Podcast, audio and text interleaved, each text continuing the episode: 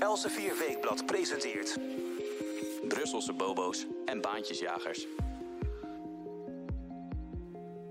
Misschien moet Nederland de Europese Unie maar verlaten, vindt de Portugese premier Costa. Heeft hij een punt?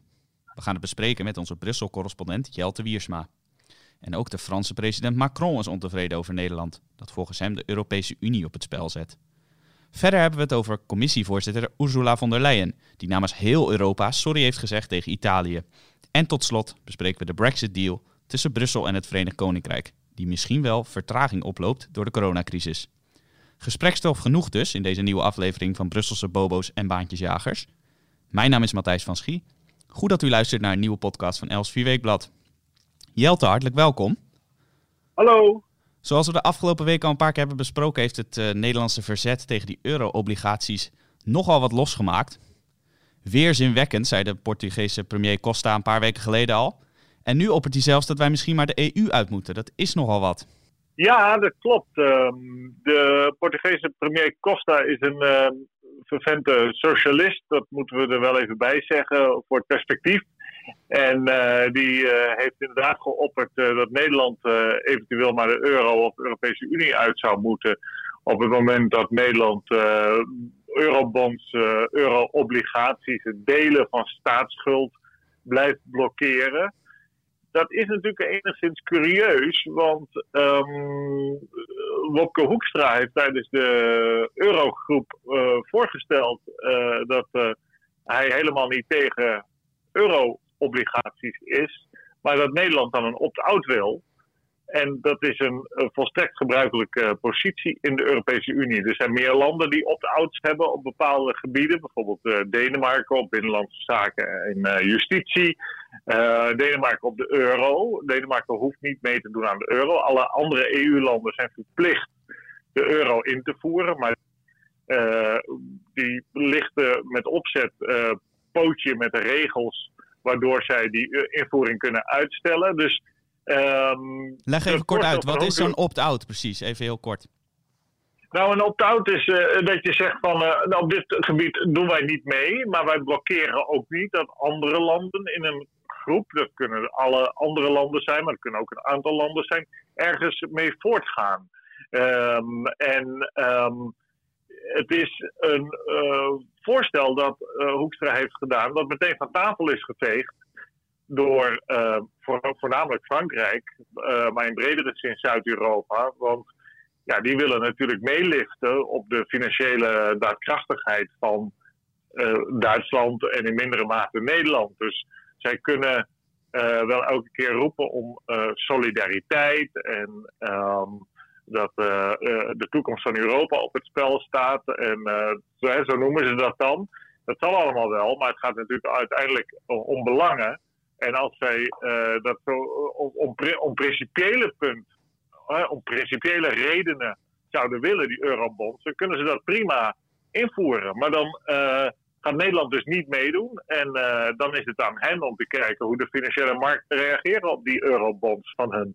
Um, wat me ook wel opvalt, is dat de taal van deze mensen zo ongelooflijk uh, grof is. Um, we hebben natuurlijk uh, een aantal keer vrij grove taal ook uit onze grondpartijen mogen horen. Um, we hebben natuurlijk het beroemde citaat van Jeroen Dijsselbloem in een Duits interview. Die zei dat Zuid-Europa geld aan drank en vrouwen heeft uitgegeven. En dat ze niet kunnen verwachten dat het Noorden hen al redt. We hebben natuurlijk een aantal andere uh, uitspraken van uh, onder meer de toenmalige minister van Financiën Wolfgang Schäuble gehoord, die ook spijkerhard was over Zuid-Europa. Um, nu krijgen we uit Zuid-Europa uh, ja, ronduit raarsjes geld, wat mij betreft. En um, dat um, tekent toch ook eigenlijk meer de wanhoop van die mensen in Zuid-Europa. En de, de, het mismanagement van die bestuurders dat zij, zich, dat zij hun eigen land niet op orde kunnen krijgen. Dus dat is allemaal een beetje onprettig, zou ik zeggen. Ja, het, het klinkt inderdaad onprettig. Gescheld is natuurlijk nooit goed in zo'n unie. Toch schreef je op de website een heel goed gelezen stuk over die uitspraken van Costa. En jij schreef het is wellicht niet eens zo'n slecht idee wat hij oppert, Nederland uit de EU. Dat, uh, dat is nogal een uitspraak, maar wat bedoel je daar precies mee? Waarom is dat wellicht niet zo'n slecht idee? Nou, omdat je moet je natuurlijk afvragen uh, of Nederland nog cultureel thuis is in de Europese Unie zoals die nu bestaat en zoals die ook uitbreidt oostwaarts. Je moet je voorstellen dat grofweg um, Europa in drie delen uiteenvalt. Dan heb je de Noordzeelanden, uh, waartoe de Scandinavische landen behoren, Nederland, Noord-Duitsland ook, de Baltische Staten, um, het Verenigd Koninkrijk natuurlijk. Een, een deel van België valt daaronder, Ierland. Die een hele oude en diep gewortelde democratische cultuur hebben. En die grotendeels ook nooit door het Romeinse Rijk uh, zijn beheerst. Uh, voor Nederland geldt dat het alleen het zuiden is geweest. En in uh, Engeland is wel natuurlijk door de Romeinen bezet geweest. Maar de aanraking door langdurige Romeinse overheersing is in het noorden niet of nauwelijks uh, aanwezig. Al is er natuurlijk wel allemaal invloed. Het Romeins recht hebben wij ook en uh, andere zaken. Zoals jij in deze podcast al uh, voortdurend zegt, heel treffend altijd, is dat de, de geschiedenis van honderden jaren terug, dat die in conflicten van vandaag nog steeds heel goed te zien zijn. En dat is in dit geval dus inderdaad die erfenis van het Romeinse Rijk niet anders. Nee, zo is het. En je, het is niet helemaal verwonderlijk natuurlijk dat in contraien rond de Noordzee, waar die democratische cultuur al veel ouder is uh, dan in uh, de rest van Europa.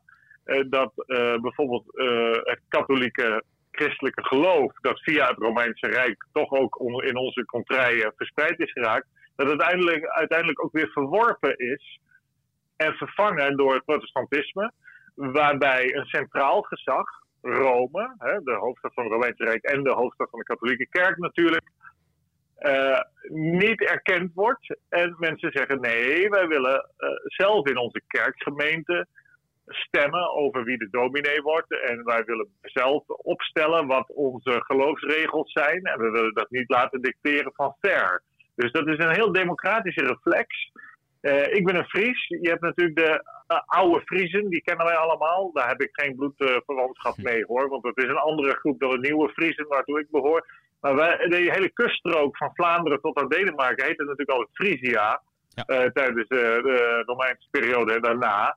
En daar werden allerlei verkiezingen georganiseerd op heel kleine schaal. En dat zit dus heel diep in die mensen. Ja, je ziet natuurlijk ook de, de reformatie van 1517 dat is natuurlijk ook een, een aardige breuklijn tussen Noord- en Zuid-Europa. En uh, wat betreft de protestantse en de katholieke landen lijkt dat aardig te overlappen met de, uh, de, houding uh, ten opzichte van de Europese Unie nu. Zeker, ik noemde het niet voor niks. Dat de grond voor het protestantisme, de ontvankelijkheid voor protestantisme, was in het noorden groter dan in het zuiden. En dat is ook wel begrijpelijk gezien die ervaring al die bijna in het DNA zit van de Noordwest-Europese mensen. In de culturen van die landen, landen van die gebieden. Uh, wat ook nog speelt, dat uh, haalde ik uit een uh, essay van een beroemde Nederlandse historicus, Slieger van Bad. Die promoveerde in 1948 op een onderzoek dat heet Boerenvrijheid. En die onderzoekt dus waarom het komt dat in sommige landen de democratie zoveel meer verankerd is dan in andere landen. Um, en daaruit komt naar voren uh, dat er een groot verschil is tussen gebieden waar vooral uh, veehoudende boeren waren en de gebieden waar akkerbouw de primaire uh, landbouwtak was. En hij zegt dat die uh, gebieden waar vooral veel in vee werd gehandeld, uh, zoals ro rond de Noordzee, dat daar een uh, diepere democratische cultuur is, omdat die mensen minder last hebben van feodaliteit. Die zijn allemaal, iedereen die, een, die één koe heeft of één schaap, is al zijn eigen baas. En dat, dat legt dus al een bodem voor democratie, dat iedereen eigendom heeft. Dat is heel belangrijk om te begrijpen.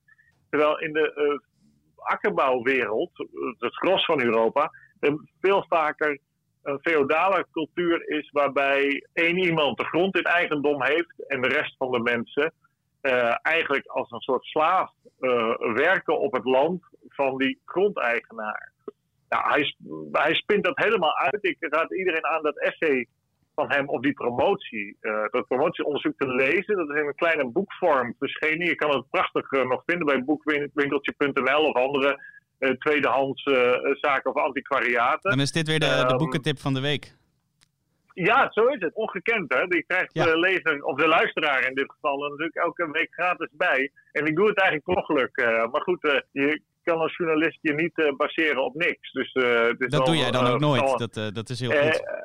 Eh, eh, studeer, het is permanente studie. Het aardige hiervan is dat je eh, natuurlijk ziet dat er toch een, langzamerhand een verschuiving in die Europese Unie ontstaat. Ehm, het, het zuiden en het oosten, die meer gewend zijn, zeker het zuiden, aan centralisme. Katholieke geloof heeft dat natuurlijk in zich, de structuur van de katholieke kerk, maar ook die staten zijn vaak centralistischer georganiseerd. Denk zeker aan Frankrijk, maar ook aan eh, eh, landen als ehm, Spanje en Italië, die op een aantal gebieden heel centralistisch zijn. Op andere de laatste decennia juist helemaal niet overigens. Maar die, die landen die hebben een cultuur eh, dat ze meenemen, waarbij je dus als personeel resideert onder jouw heer.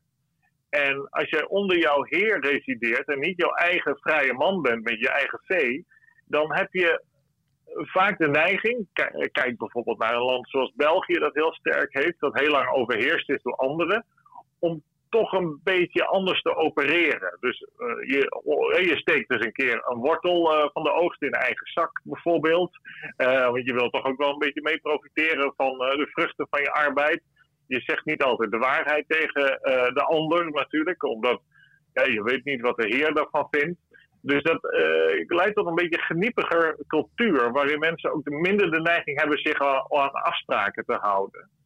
Ehm, ja, dan heb je natuurlijk daarnaast nog Oost-Europa. Dat is veel minder aangeraakt door het eh, Romeinse Rijk. Het is natuurlijk wel grotendeels eh, eh, katholiek. Al zijn er een aantal orthodoxe landen en een aantal waar protestantse minderheden bestaan.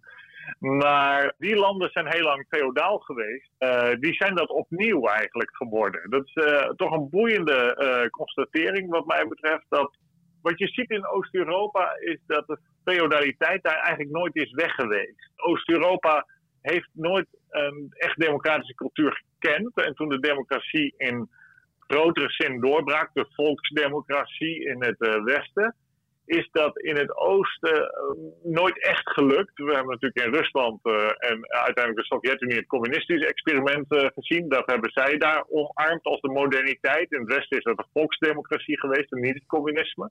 Wat ook een soort modern experiment is. Midden- en Oost-Europa, die, ze hebben daar wat, wat tussenin gezeten. Maar die zijn natuurlijk na eh, de Eerste Wereldoorlog min of meer, eh, en zeker na de Tweede Wereldoorlog, in de koelkast gestopt qua cultuur. Die hebben gewoon 70 jaar stilgestaan onder, de Sovjet, onder Sovjetbewind. Die zijn er in de jaren 90 uitgekomen uit die koelkast. Die hebben zich democratisch westers voorgedaan om toe te treden tot de Europese Unie. Maar je ziet nu eh, daar allerlei feodale reflexen. Kijk alleen maar naar meneer Orbán eh, in eh, Hongarije. Dat wordt een soort feodale heerser met een clan van loyalisten om zich heen. Die met EU-subsidies aan de haal gaan. die alle ehm, eh, pu- publieke democratische instituties naar hun hand zetten.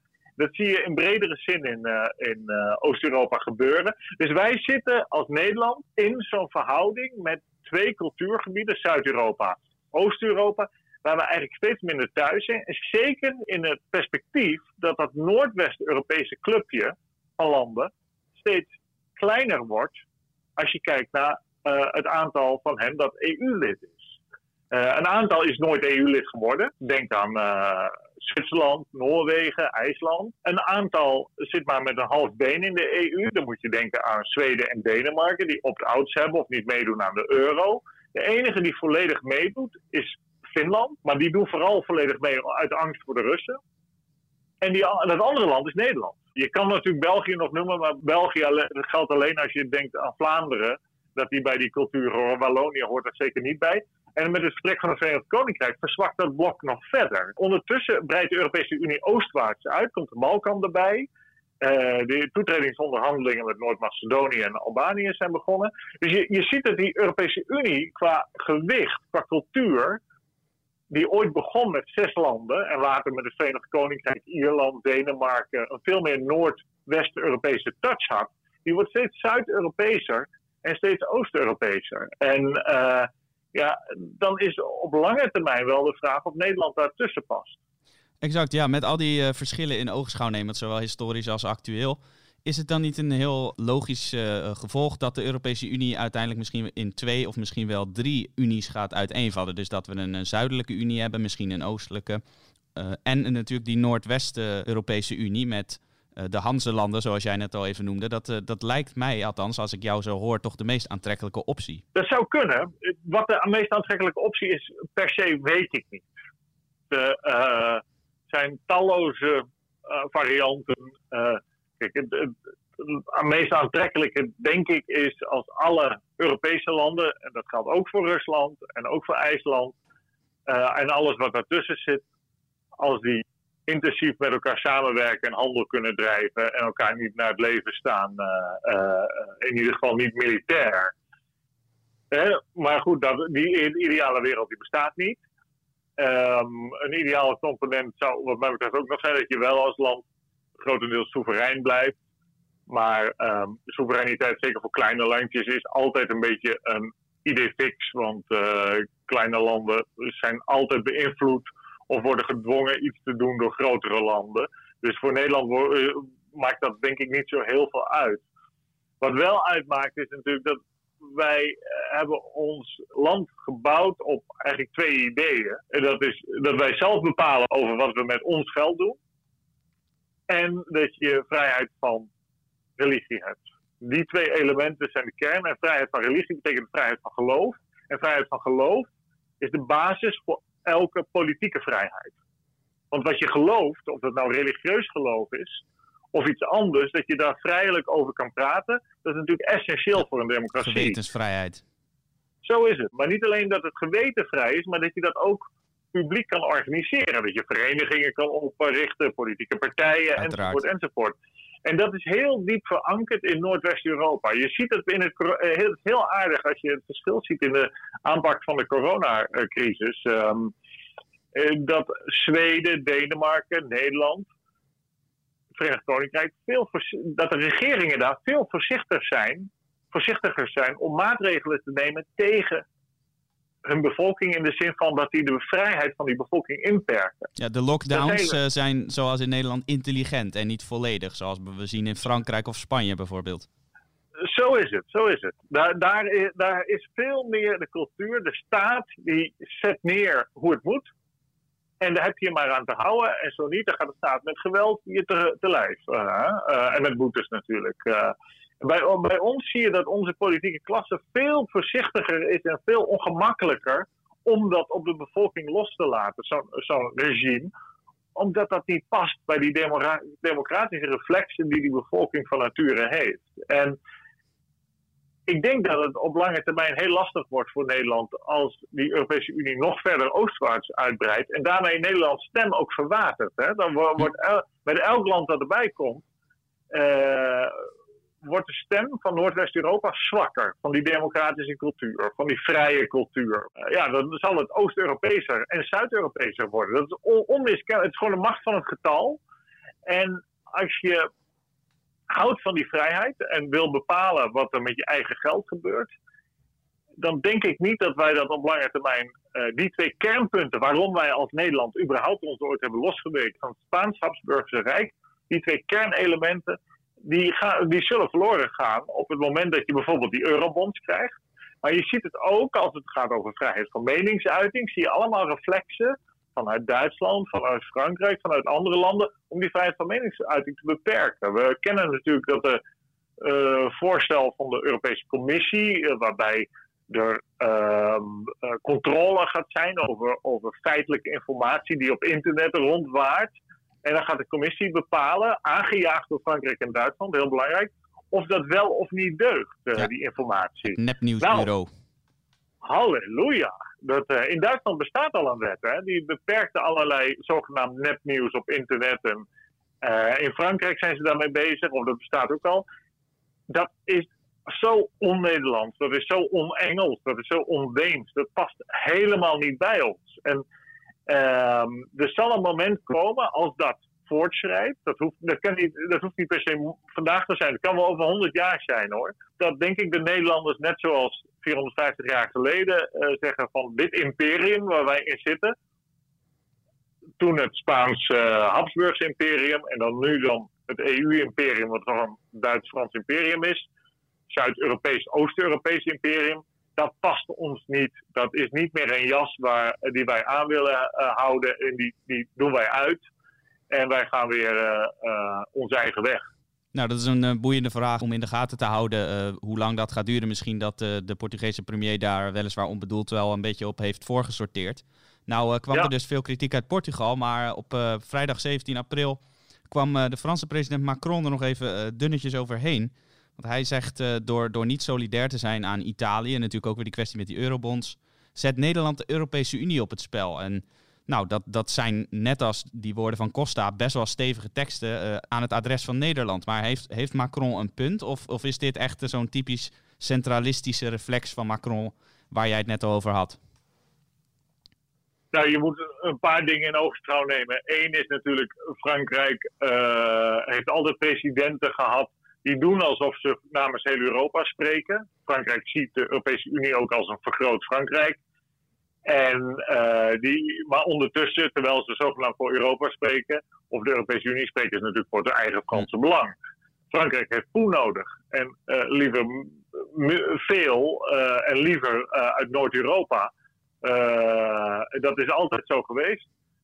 en dat zal altijd zo blijven, omdat de Franse politieke reflexen zijn anti-handel, protectionistisch, dirigistisch. En die leiden altijd tot minder economische florissante situaties dan uh, meer vrijhandelsattitude die je in Noordwest-Europa vindt. Dus ja, uh, uh, Macron die moet niet doen alsof hij natuurlijk namens de EU spreekt. zet Nederland de, de, EU op, op het spel? Nou, wie, wie, zal het zeggen? Misschien is dat wel zo. Ja, hebben we het net uitgebreid maar, over gehad. Maar is de EU er dan voor om tot hun eeuwigheid te bestaan? Volgens mij is de EU een middel en kan het nooit een doel zijn. En voor Frankrijk is de EU geen middel, uh, maar een, bijna een doel. Want als er een vervolmaking komt van de EU zoals Frankrijk die wil, en zeker met de kern zoals Frankrijk dat ziet, de eurozone, waarin Frankrijk erg dominant is. Uh, want ze hebben de meerderheid met Zuid-Europa in de Europese Centrale Bank, in de Europese Raad dan, in de euro-verhoudingen. Eh, dan eh, eh, wordt het ehm, inderdaad een doel, want dan is dat het middel om heel Europa, of in ieder geval die eurozone, te domineren.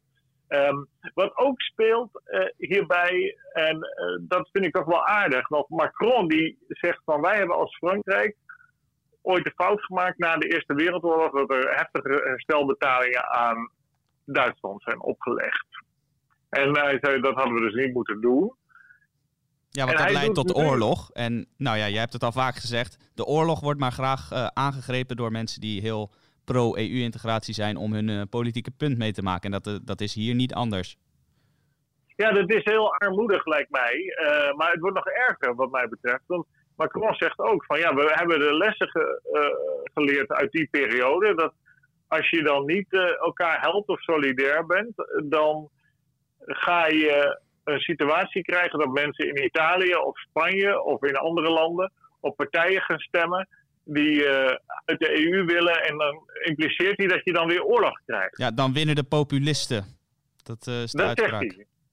Maar hij zegt dus eigenlijk van als jullie in Nederland en Duitsland en andere ons jullie geld niet geven, dan stemmen de Italianen op een partij die oorlog wil gaan voeren. Hé, hey, dat is toch gek? Dus, dus dan worden wij verantwoordelijk gemaakt voor de stem van de Italiaan. Dus de Italiaan wil dan alleen maar EU-lid uh, e uh, blijven of eurozone-lid of uh, whatever. Op het moment dat ze de poenen uitkrijgen. maar op het moment dat het niet meer is, dan krijg je dus een oorlogspartij aan de macht. Dan doet volgens mij Macron iets heel vals daarmee. En maakt hij volgens mij ook een fout. Hij doet iets vals omdat hij daarmee een morele chantage aan Noord-Europa en zeker gericht aan Duitsland oplegt. En dat heeft Frankrijk altijd gedaan. Dat is, vind ik misselijkmakend. Als we het over weerzinwekkend of misselijkmakend hebben, uh, is dat het wel. Dat je Duitsland de Duitsers die nu leven, die niks met die Tweede Wereldoorlog te maken hebben, in de zin van dat zij die niet als mensen individueel begonnen zijn of als groep, uh, ga je die mensen maken en, en proberen moreel te chanteren voor wanbeleid in Zuid-Europa. Um, en uh, dat je de uh, intellectuele capaciteiten van Spanjaarden en Italianen kennelijk zo laag acht dat op het moment dat zij geen geld krijgen uit het noorden, dat ze dan fascistisch of communistisch gaan stemmen en allerlei vreselijke dingen gaan doen. Dat lijkt me een enorm affront voor Italië. Als ik de Italiaanse premier zou zijn, dan zou ik woest zijn op Macron. Dan zou ik zeggen, ja, maar Amahula, wat ga jij mij nu maken? Uh, alsof de Italianen dan gaan ontsporen. Het is niet gezegd dat dat niet gebeurt hoor. Maar hij zegt dat dat uh, eigenlijk zeker, zeker is dat dat gaat gebeuren. Maar daarmee praat hij stiekem eigenlijk meer over zijn eigen land. Hè? Ja. Zijn grote concurrent is natuurlijk nog steeds Marine Le Pen. Zoals het nu lijkt zijn er ook geen andere kandidaten van andere partijen. De socialisten, de conservatieven, die zijn allemaal een beetje buiten Westen nog steeds. En is uh, het Front National, die elke keer rond de 25% krijgt, bijvoorbeeld bij de Europese verkiezingen vorig jaar. En Europese parlementsverkiezingen moet ik zeggen. En, en Macron, die ook rond de 25% krijgt. Dat zijn de twee krachten die uh, strijden om Frankrijk. En het zou best zo kunnen zijn natuurlijk dat uh, Macron uh, wordt afgelost door uh, Le Pen over een aantal jaar. Dat gaan we zien. Maar um, dat Nederland de EU op het spel zet, heeft nog een element in zich als laatste. Wie zet de EU op het spel als je de afspraken die gemaakt worden in EU-verband telkens niet nakomt? Ja, de begrotingsregels, het, het 60% begrotingstekort, dat is inderdaad niet Nederland die, die daar zich schuldig aan maakt.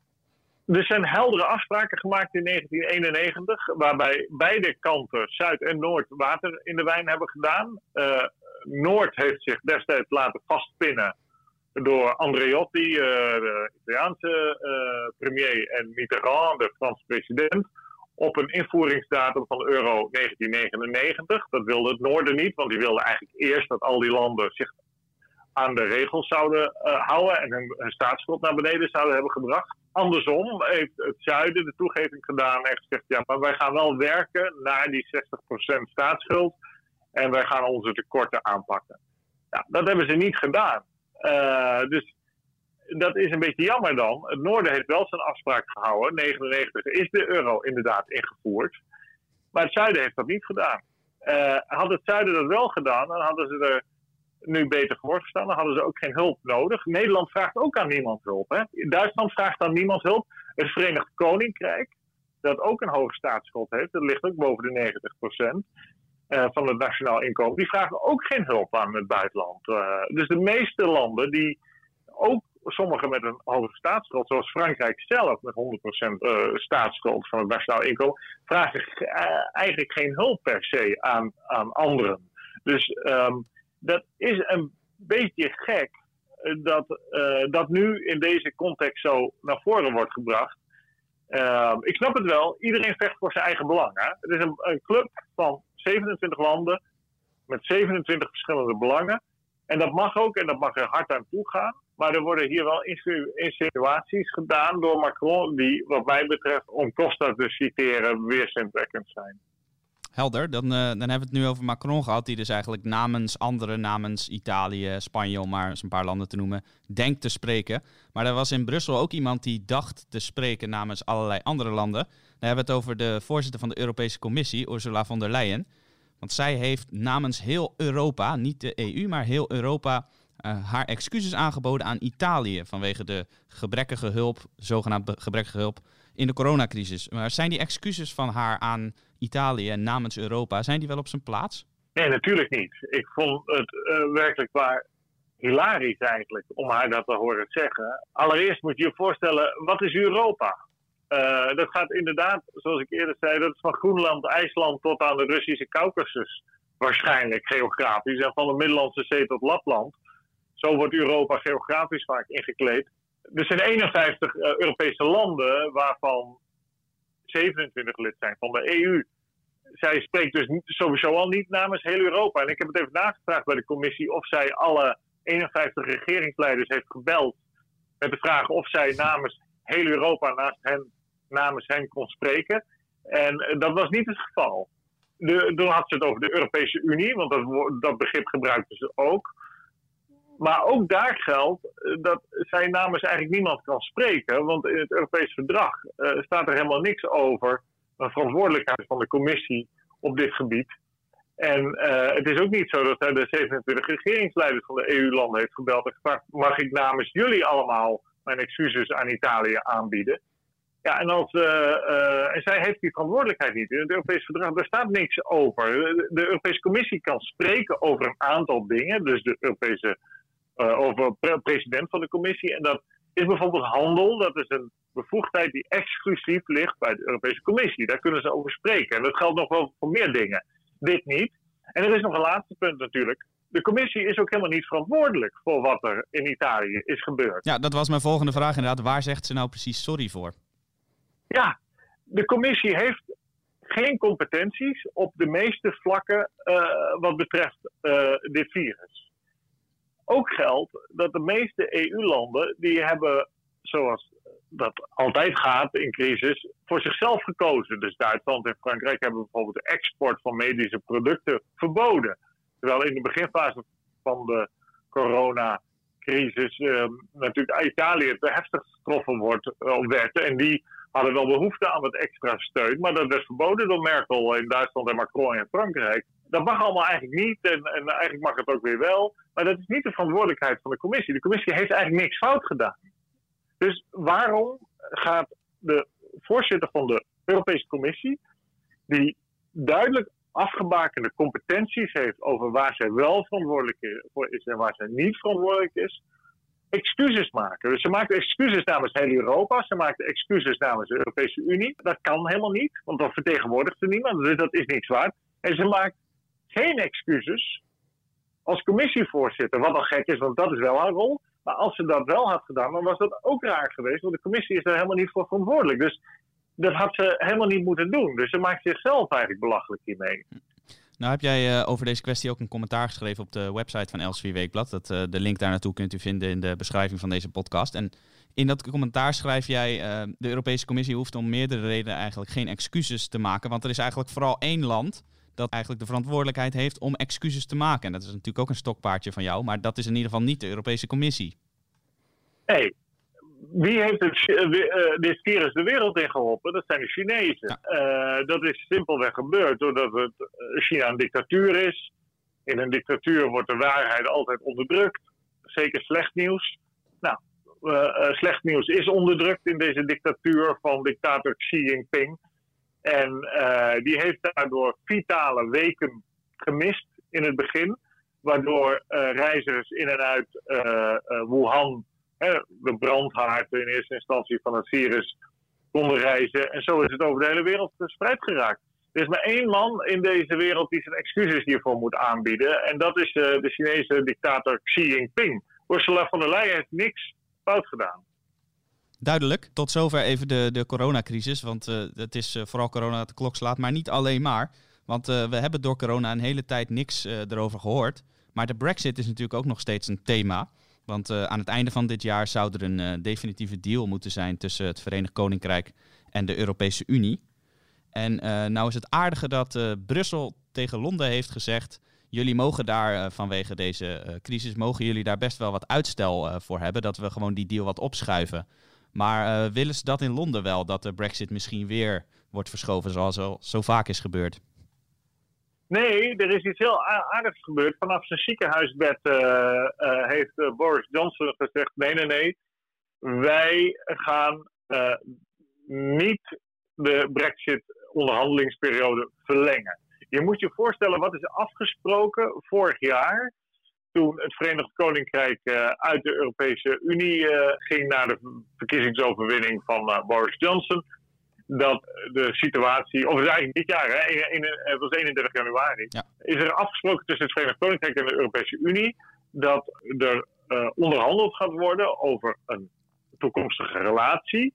Want tot nog toe zit het Verenigd Koninkrijk de facto in de Europese Unie, al hebben ze geen stemrecht meer enzovoort, maar ze zitten gewoon in de interne markt enzovoort enzovoort. Dat loopt af op 31 december dit jaar. Als er geen overeenkomst is, nou, dan valt het Verenigd Koninkrijk eruit en dan zal er gehandeld worden onder de regels van de Wereldhandelsorganisatie. En dat is prima mogelijk. Maar beide partijen, Europese Unie, Europese Unie-landen en Verenigd Koninkrijk hebben het hele gezegd: nee, we willen wel een soort speciale relatie. Dus we willen nauwere betrekkingen met zo veel mogelijk vrije handel en zo weinig mogelijk frictie. Nou, ze onderhandelen daarover. Dat gebeurt via videoconferenties. Uh, beide partijen kunnen voor 31 juni aangeven van, nou, we hebben eigenlijk langer nodig. En daarbij uh, gaat die deadline van 31 december komen te vervallen. En dan verlengen we met één of twee jaar. Nou, nou is het natuurlijk al heel vaak uh, verschoven. Tot, niet tot ieders tevredenheid in het Verenigd Koninkrijk. Dus ja, dus is natuurlijk de vraag van, zou dat nou kunnen? Dat er nou weer een uh, verschuiving komt? Want wat natuurlijk vaak wordt gezegd is van uitstel komt afstel. Dus daar zullen ook veel ja. Brexiteers niet op zitten te wachten. Nou, Boris Johnson zegt dus nu, nee, dat wil ik niet. Maar, dus een heel, heel aardige maar. Kijk, op het moment dat geen van beide partijen vraagt om, om, om verlenging, dan gaat de klok dus op 31 uh, eh, juni, of 30 juni, sorry, gaat tikken. Hè? Uh, tot aan 31 december. Dus er komt er echt een tijdsdruk op te staan. het Verenigd Koninkrijk zegt dus: wij gaan geen verlenging vragen. Dus wat ons betreft tikt de klok nu al. Maar de Europese Unie lijkt er wel voor te voelen om zelf voor verlenging te vragen. Ja, dat is tegengesteld aan wat veel mensen denken. Maar ook de Europese Unie kan het Verenigd Koninkrijk vragen om verlenging. Dan hoeft het Verenigd Koninkrijk dat natuurlijk niet te uh, erkennen. Maar in het Verenigd Koninkrijk is wel het geval: de EU vraagt om verlenging. Dan moeten we dat misschien toch maar toestaan, gezien alle crisissituaties die we er hebben, hier hebben. En dan kan Boris Johnson natuurlijk voor zijn eigen publiek ermee wegkomen. Dat hij zegt van ja, ik ben het niet geweest die uh, de deadline heeft verschoven. Want uh, ik ben een, uh, een, goede buur van de Europese Unie. En ik vind het prima om nog een jaartje zo eraan vast te plakken. Dus wellicht ook gunstig maar... voor zijn onderhandelingspositie, bedenk ik. Maar als de Europese Unie in feite in het defensief komt en het moet verzetten, dan zou hij daar misschien wel van kunnen profiteren. Ja, ja, ja, zeker. Ik ben heel benieuwd hoe dat nu uit, uitpakt. Want uh, kijk, je moet je voorstellen, zeker in deze uh, crisis, het, het, Verenigd Koninkrijk heeft een handelstekort met de Europese Unie. De Europese Unie heeft een handelsoverschot met het Verenigd Koninkrijk. Hè? dus wij verkopen in Nederland, in België, in Frankrijk, in Duitsland meer spullen aan het Verenigd Koninkrijk dan we van zich kopen. Dus wij verdienen geld aan die tent. In crisissituatie uh, ga je natuurlijk niet de kip met de gouden eieren ga je slachten. Er is dus een grote belangstelling uh, aan deze kant van het kanaal om misschien wel verlenging te vragen. En wat mij niet helemaal duidelijk is, maar het zou me niet verbazen dat, het, dat er Britse diplomaten zijn, dit speculeren hoor, dit weet ik niet, die, die EU-landen ertoe aanzetten om, om uh, de EU-verlenging te laten vragen. Ja. Zodat Johnson geen gezichtsverlies leidt uh, in eigen land.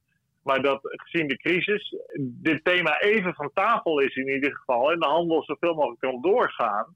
Want om, ook nog eens meer disruptie van handel te hebben. Dat zal zeker voor de continentale landen die veel verdienen aan het Verenigd Koninkrijk nog een extra klapje zijn uh, uh, voor de economie.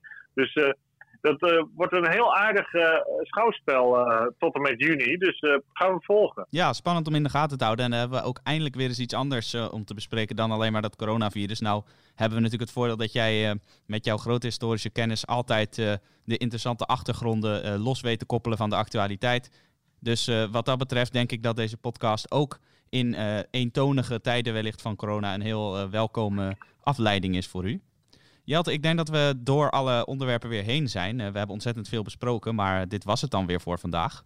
Hartelijk dank. Graag gedaan. Alle goeds natuurlijk aan jou en blijf gezond daar in Zeeland. En ook alle ja. luisteraars wens ik en ook Jelte natuurlijk het beste toe. En uiteraard wensen wij u ook een goede gezondheid en hou u taai in deze moeilijke tijden. Daarmee zijn we aan het einde gekomen van deze podcast. Mijn naam is Matthijs van Schie en ik wil u ook hartelijk danken voor het luisteren. Bent u nou benieuwd geworden naar de artikelen die we zojuist hebben besproken in deze podcast? Die kunt u allemaal lezen in Els 4 Weekblad of op onze site. Voor een abonnement, waarbij u ook onbeperkte digitale toegang krijgt, kunt u surfen naar www.elsvierweekblad.nl. Daar kunt u zich ook abonneren op onze podcastseries. Dat kan ook door in uw favoriete podcast-app, bijvoorbeeld Spotify of iTunes, te zoeken op Els Vierweekblad. Dit was het voor nu. Graag tot de volgende keer.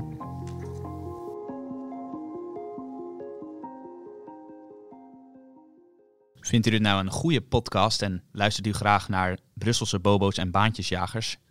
Dan zouden wij het erg waarderen als u ons in de iTunes Store met 5 sterren beloont. Een beoordeling van 5 sterren helpt ons enorm. Dus bij voorbaat hartelijk dank daarvoor.